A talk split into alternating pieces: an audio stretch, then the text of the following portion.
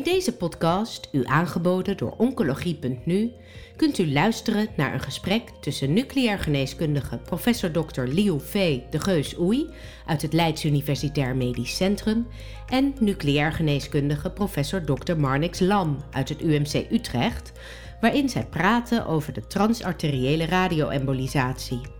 Tijdens dit gesprek nemen zij stap voor stap door wat er komt kijken bij het gehele proces vanaf patiëntselectie, preprocedurele testprocedure, daadwerkelijke behandeling tot en met de follow-up. Daarnaast bespreken zij de resultaten uit de Dosisphere-studie en behandelen zij de multidisciplinaire aspecten van deze therapie. Nou, welkom Marnix. We hebben um, inmiddels een uh, aantal podcasts achter de rug over aan- en therapieën.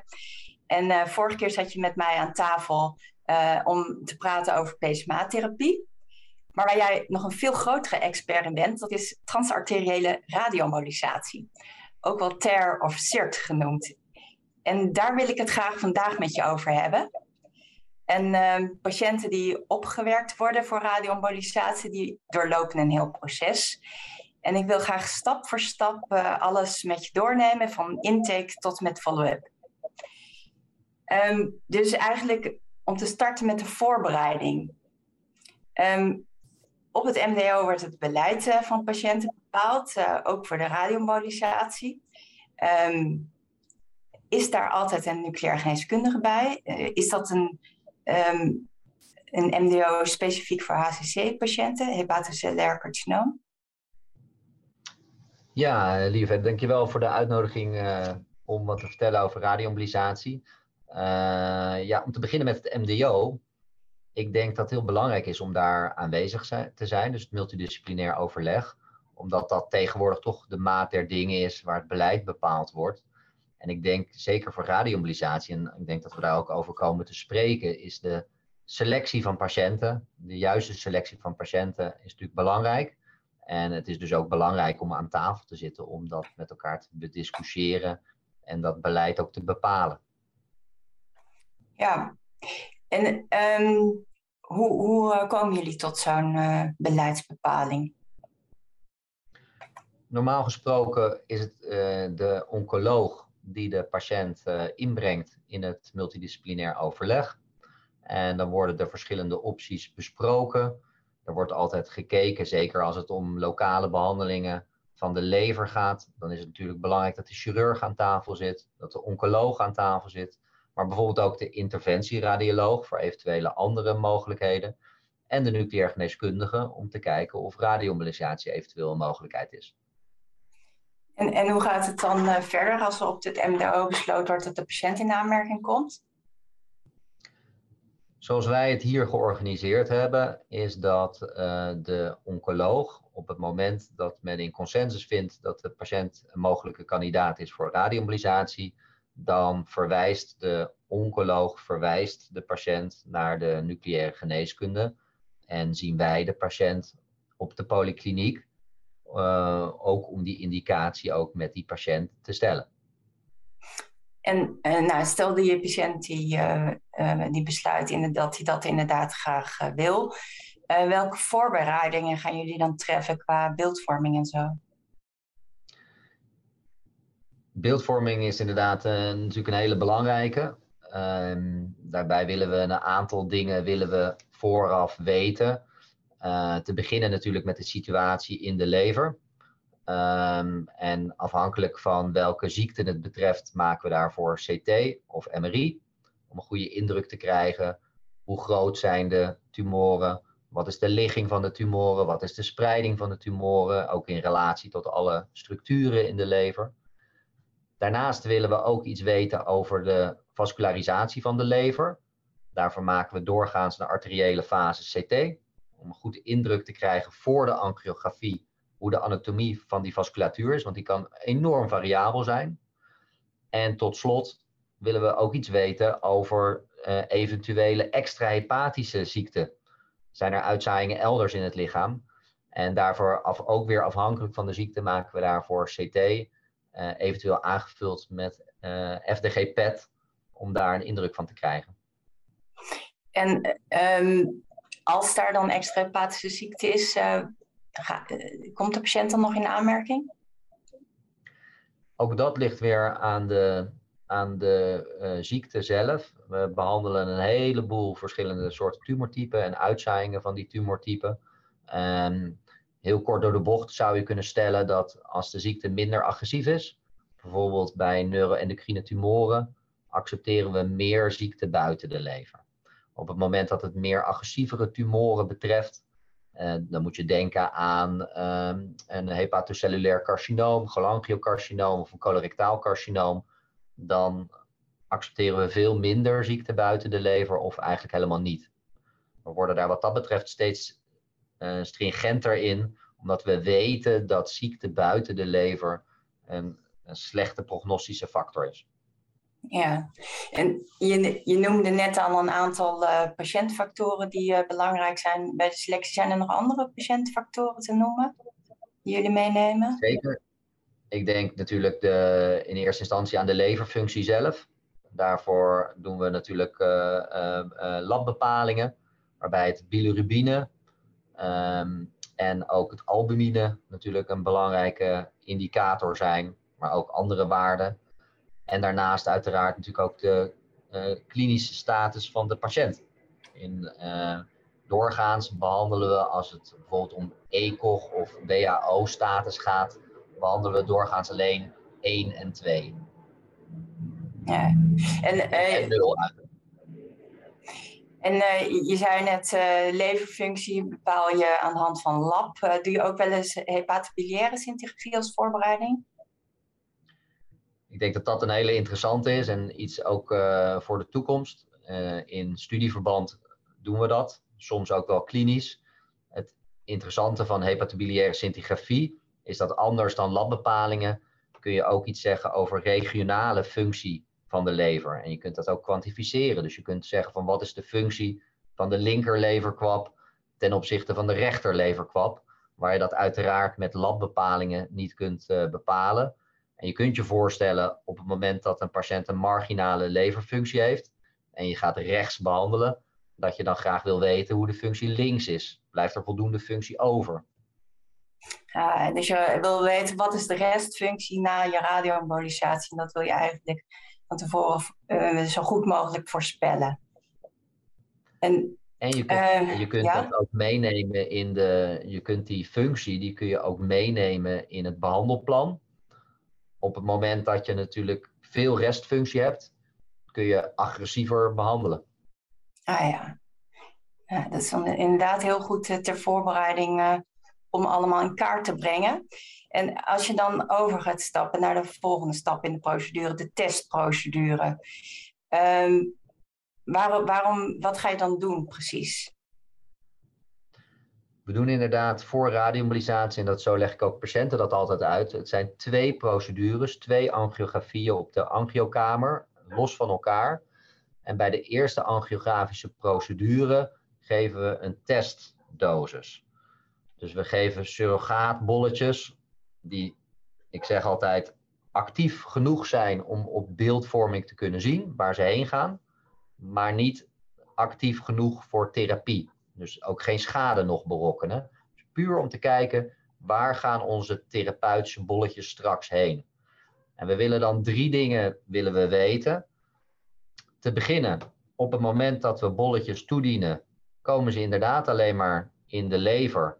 Of nemen ze een verkeerde afslag en komen terecht in andere buikorganen dan de lever. Denk aan darm of maag, waar we uiteraard de bolletjes niet willen. Ten tweede, willen we kijken van schieten de bolletjes niet door? Is er geen shunt richting de longen? Op het moment dat dat gebeurt, dan is er een stralingsdosis op de longen. Ook dat willen we natuurlijk zoveel mogelijk voorkomen. En ten derde, en misschien is dat wel het belangrijkste, is hoe verdeelt het zich in de lever? Komen de bolletjes inderdaad aan in en rond de tumoren? Of komen ze juist veel in het omringende leverweefsel? En hoe is die verhouding? Bij de ene patiënt zal heel veel van de bolletjes naar de tumor gaan en vrijwel niks naar het omringende leverweefsel. En vice versa. En dat is natuurlijk heel belangrijk voor het behandelplan. Ja, en, jullie doen die testprocedure met de technetium 99 en macroaggregaat, hè? Dat ligt inderdaad een beetje aan het, aan het product ook uh, wat je gebruikt. Daar komen we denk ik straks ook nog wel over te spreken. Maar de meeste centra gebruiken inderdaad eh, MAA. Dat zijn albumine-partikeltjes, gelabeld met een uh, isotoop, technetium, om te kunnen zien waar ze naartoe gaan. Als surrogaat voor de therapeutische bolletjes. Ja, nou en behalve te kijken van of er shunts zijn, ga je natuurlijk ook dosimetrie doen. En waarom, ja, kan je uitleggen waarom dat zo belangrijk is? Zeker, dat sluit een beetje aan ook wat ik zei over die verdeling. Bij de ene patiënt dus veel naar de tumor, weinig naar het omringende lever en andersom. Op het moment dat alles exclusief naar de tumor gaat, dan kun je natuurlijk oneindig veel oneindig hoge dosis op die tumor geven, zonder dat je bang hoeft te zijn voor bijwerkingen op het omringende leverweefsel. Maar dat is natuurlijk nooit die ideale situatie. Er zal altijd wat activiteit ook naar het normale leverweefsel gaan. En op basis van die verdeling kun je dus zeggen: ik wil een, doos, een dosis die voldoende is voor effect op de tumor. En tegelijkertijd veilig genoeg is voor het omringende leverweefsel. En wat daarbij belangrijk is, is dat je enerzijds kun je dus daarop doseren. Anderzijds kan het ook zo zijn dat puur vanwege de pathofysiologie te weinig bolletjes in de tumor komen. En dat je moet besluiten om helemaal niet te behandelen, omdat je gewoon onvoldoende tumordosis kunt bereiken bij, bij een patiënt.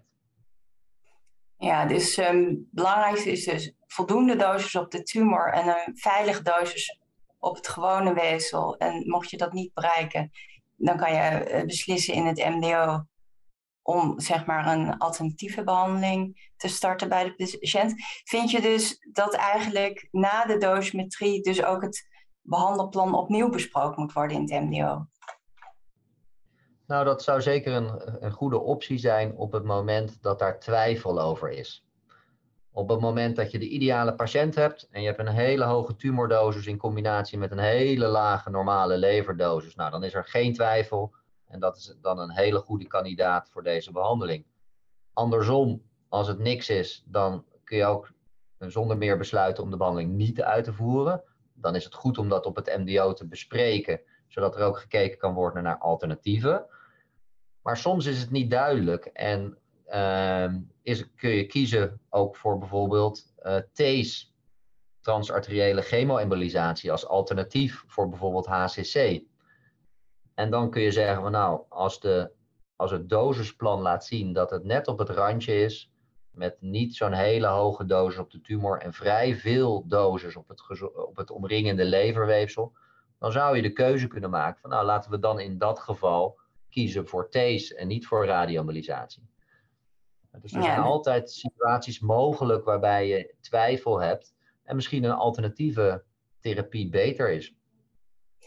Ja, het zijn dus heel veel verschillende klinische scenario's en behandelstrategieën. En dus eigenlijk one size fits all, dat werkt dus niet hierbij. Nee, ik denk, ik denk dat dat een hele belangrijke opmerking inderdaad is. Uh, one size fits all is het zeker niet en dat is op zich logisch. Aan de andere kant zien we dat dat zeker in, in het verleden vaak wel zo ging. Um, kijk, het begint bij de behandelstrategie. Uh, je kunt natuurlijk patiënten hebben waarbij je maar een klein stukje van de lever hoeft te behandelen om die tumor te bereiken. En aan de andere kant van het spectrum patiënten bij wie je de hele lever moet behandelen. Dan is de strategie een andere. Je kunt bij de hele lever kun je ervoor kiezen om de hele lever in één keer te behandelen, of rechts en links separaat dat hangt natuurlijk van een heleboel factoren af, is dat afhankelijk.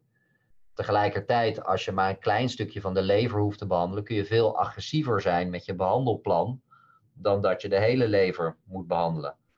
En daar zitten ook nog weer een heleboel situaties tussenin. Dus elke patiënt is echt anders, vergt een andere strategie en daarmee eigenlijk ook een ander behandelplan.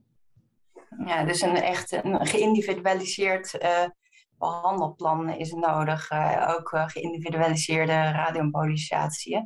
En uh, als jij nou die macroaggregate testprocedure gedaan hebt, um, hoe snel daarna volgt eigenlijk behandeling? Kan dat ook op dezelfde dag bijvoorbeeld? Ja, dat is een interessant punt. Normaal gesproken, en ik denk ook dat de meeste centra dat zo doen, volgt dan na de testprocedure volgt eigenlijk een behandeling twee tot drie weken later. Waarom moet dat zo lang duren? Enerzijds omdat je natuurlijk het behandelplan moet opstellen. We hebben daar software voor. We gebruiken dan de verdeling van die testprocedure om het behandelplan op te stellen. Vervolgens moeten we het product bestellen. En dat wordt doorgaans in een kerncentrale gemaakt of actief gemaakt. En dan moet het hierheen komen. Dus er zit al een stukje logistiek omheen om dat zo te doen. Het zou natuurlijk ook kunnen dat je de patiënt op één dag behandelt. Bijvoorbeeld dat je in de ochtend je testprocedure doet, gevolgd door beeldvorming en in de middag je therapie. Uh, dat kan natuurlijk alleen als je, als je niet een individuele dosis gaat bestellen, maar dat je vooraf weet van nou, ik hoef maar een heel klein stukje van die lever te behandelen en ik geef gewoon een hele hoge dosis uh, die sowieso voldoende is. Zo'n soort situatie kun je je voorstellen. We hebben in het verleden hebben we veelvuldig patiënten op één dag behandeld. Wij merken dat los van de, de mogelijke voordelen die dat kan bieden, dat patiënten dat toch ook best een hele lange dag vinden. Want die moeten natuurlijk de hele dag in feite op hun rug uh, op de angiokamer liggen. Dus de meeste patiënten, zeker in Nederland, waarbij de afstanden kort zijn, zij zeggen eigenlijk, geven als feedback van nou, we vinden eigenlijk die twee losse procedures, vinden we eigenlijk uh, geen enkel probleem. En misschien heeft dat ook wel vanuit het maken van een goed behandelplan ook wel de voorkeur. Ah ja, en um, zeg maar bij het maken van dat uh, behandelplan, hè, dan de, er zijn ook verschillende producten natuurlijk beschikbaar. Kan je daar iets meer over vertellen?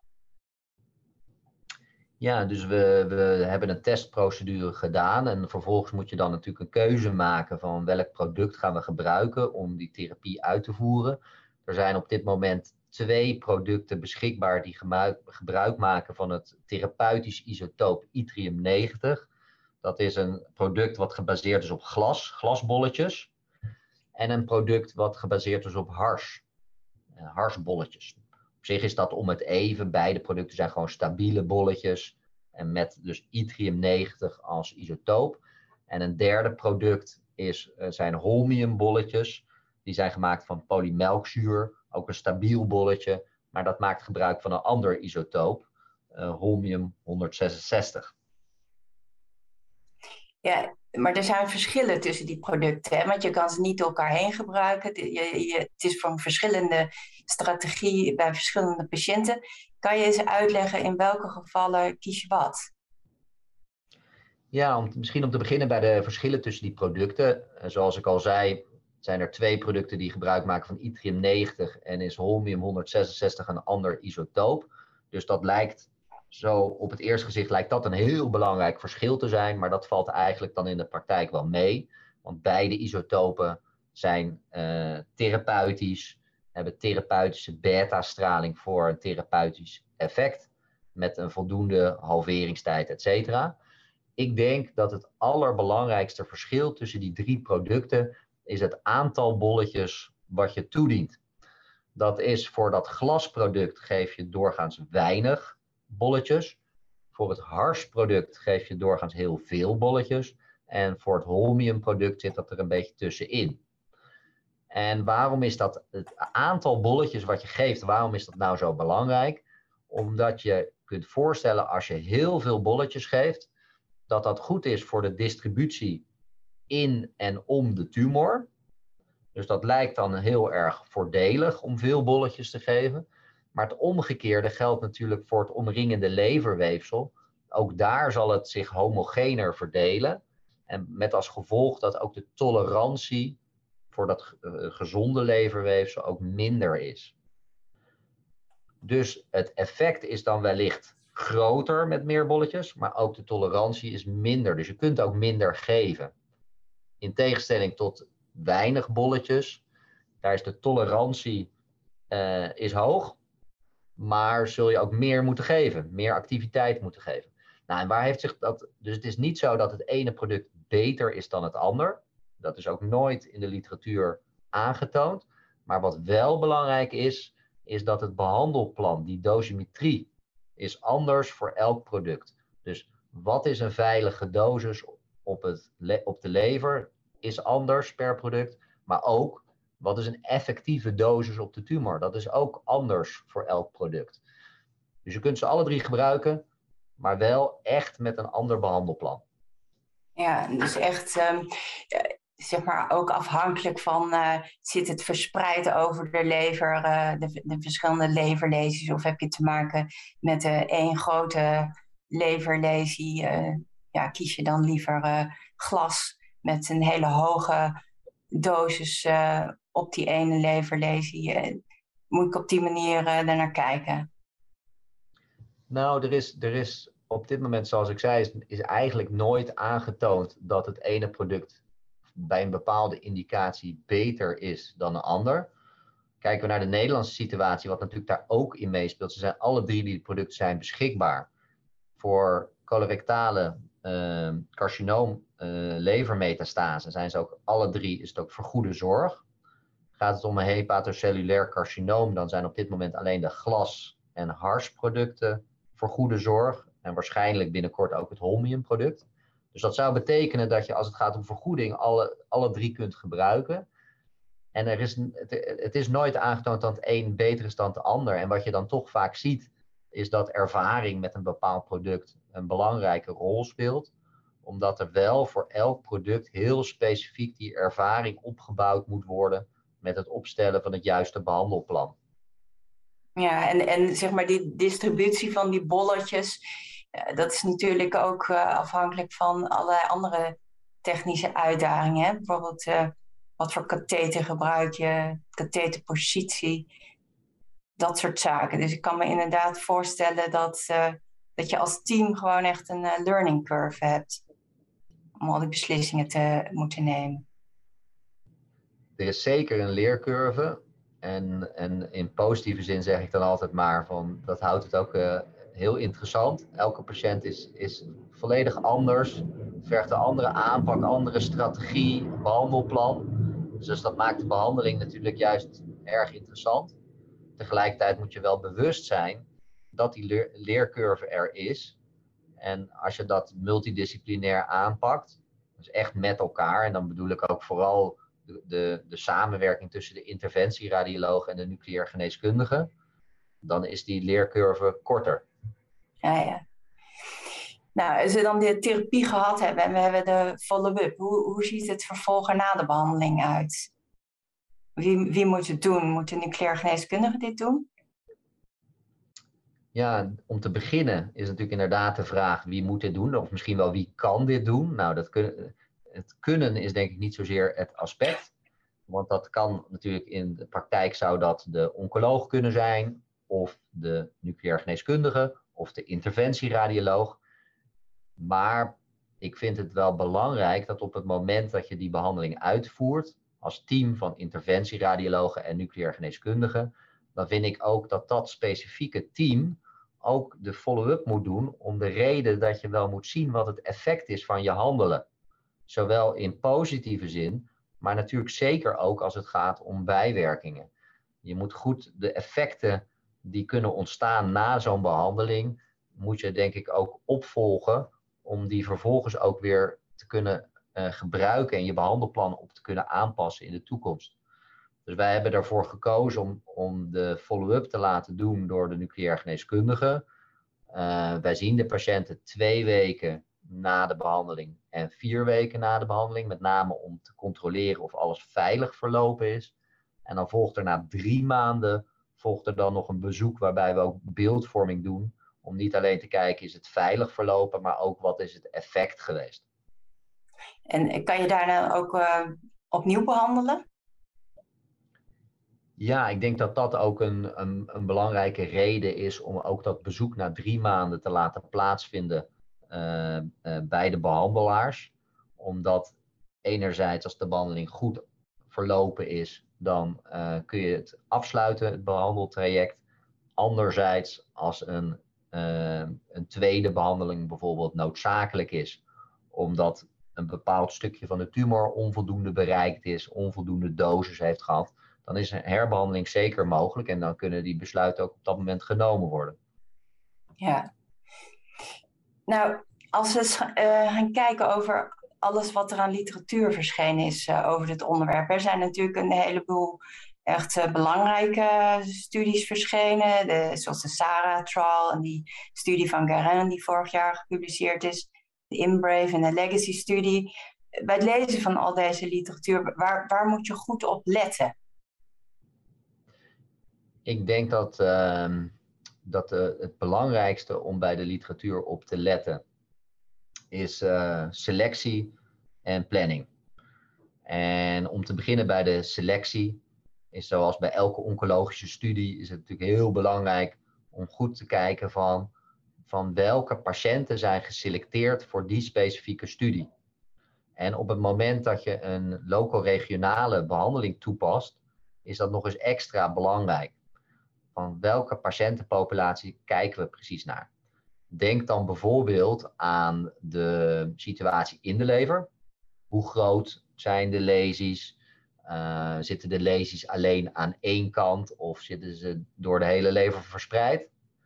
Maar denk bijvoorbeeld ook aan hoeveel uh, ziekte buiten de lever werd geaccepteerd. Dat kan natuurlijk enorme effect hebben op de uitkomst van die studie. Dus selectie is cruciaal helaas zie je vaak in de studies dat daar wel uh, wat op af te dingen is, op die selectie.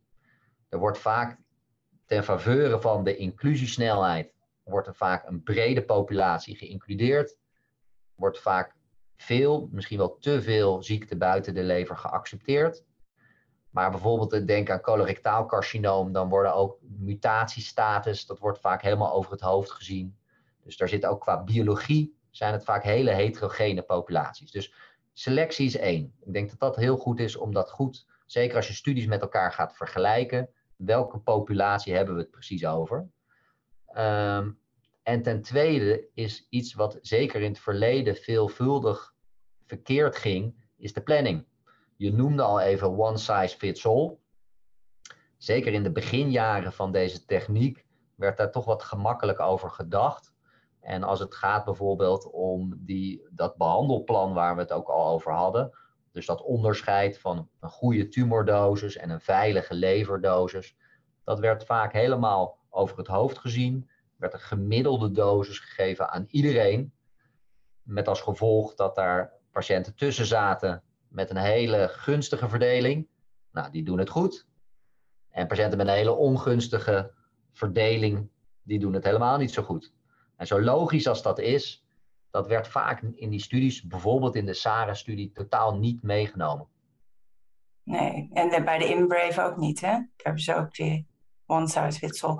Terwijl bij die studie van Garin, daar hebben ze die uh, geïndividualiseerde en de niet geïndividualiseerde radioembolisatie met elkaar vergeleken. En daar zie je echt een heel duidelijk uh, verschil in behandeleffect bij de geïndividualiseerde patiëntenpopulatie.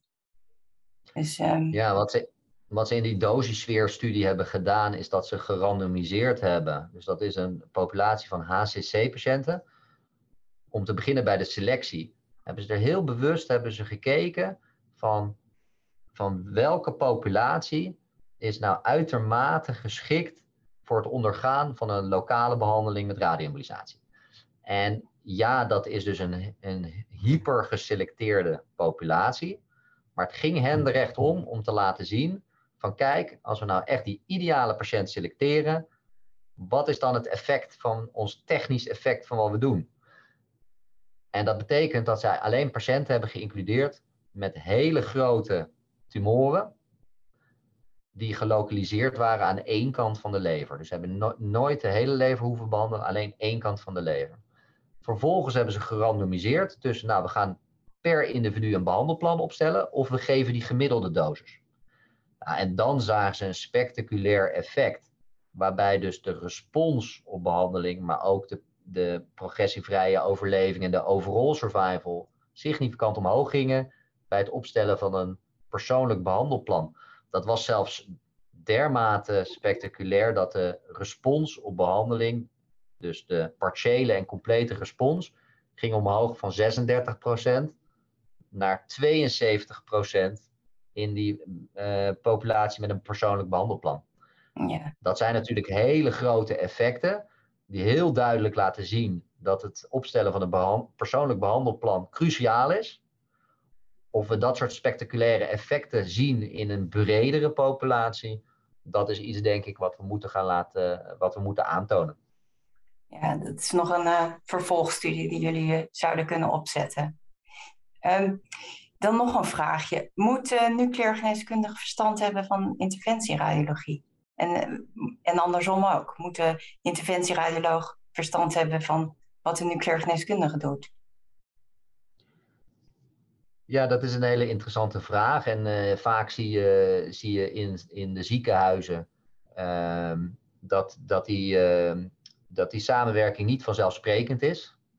Ehm, wij proberen zoveel mogelijk samen ook aanwezig te zijn op de angiokamer tijdens de angiografie.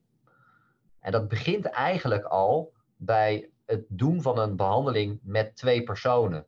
Dat zorgt ervoor dat twee personen over die behandeling praten, de discussie voeren, een zienswijze geven. Dat is denk ik al een enorm voordeel. Zeker omdat de interventieradioloog en de nucleair geneeskundige vanuit een ander perspectief redeneren, maakt het dat nog extra interessanter. En dat daar gaat de kwaliteit van de behandeling echt mee omhoog.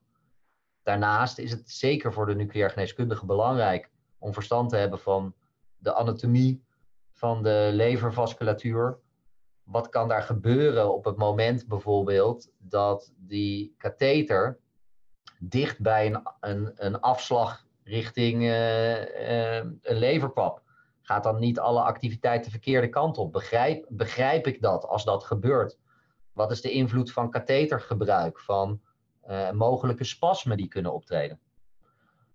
Dus dat is de kant van de nucleair geneeskundige. Andersom is het natuurlijk voor de interventieradioloog weer belangrijk om een idee te hebben van wat maakt het nou uit welk product we gebruiken, hoeveel bolletjes we gaan toedienen.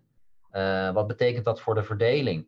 wat zijn die concepten als het gaat om activiteit versus dosis in gray?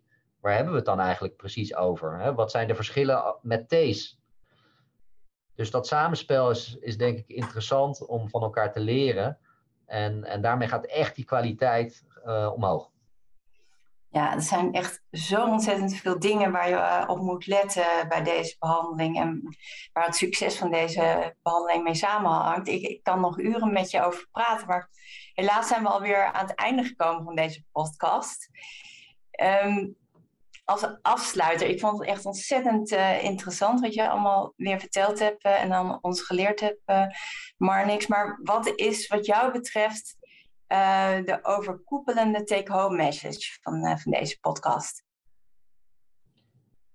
Ja, wat ik niet, niet genoeg kan benadrukken is dat het teamwork is. En we hadden het al even over de interventieradioloog en de nucleair geneeskundige. Ik denk dat het een ongelooflijk mooi voorbeeld is waarin die vakgebieden elkaar kunnen versterken. En eigenlijk gaat het nog veel breder dan dat. Tijdens het MDO ook het overleg met de oncoloog, met de chirurg. Dit is nou echt een voorbeeld van complexe zorg waar teamwork echt tot verbetering leidt. Nou, hartstikke bedankt weer voor dit gesprek en wellicht tot de volgende keer. Dankjewel. Dankjewel. Bent u geïnteresseerd in de podcast met Mark Burgmans, waarin besproken wordt wat de plaats van transarteriële radioembolisatie is in de behandeling van hepatocellulair carcinoom? Deze is te vinden op het podcastkanaal van de website oncologie.nu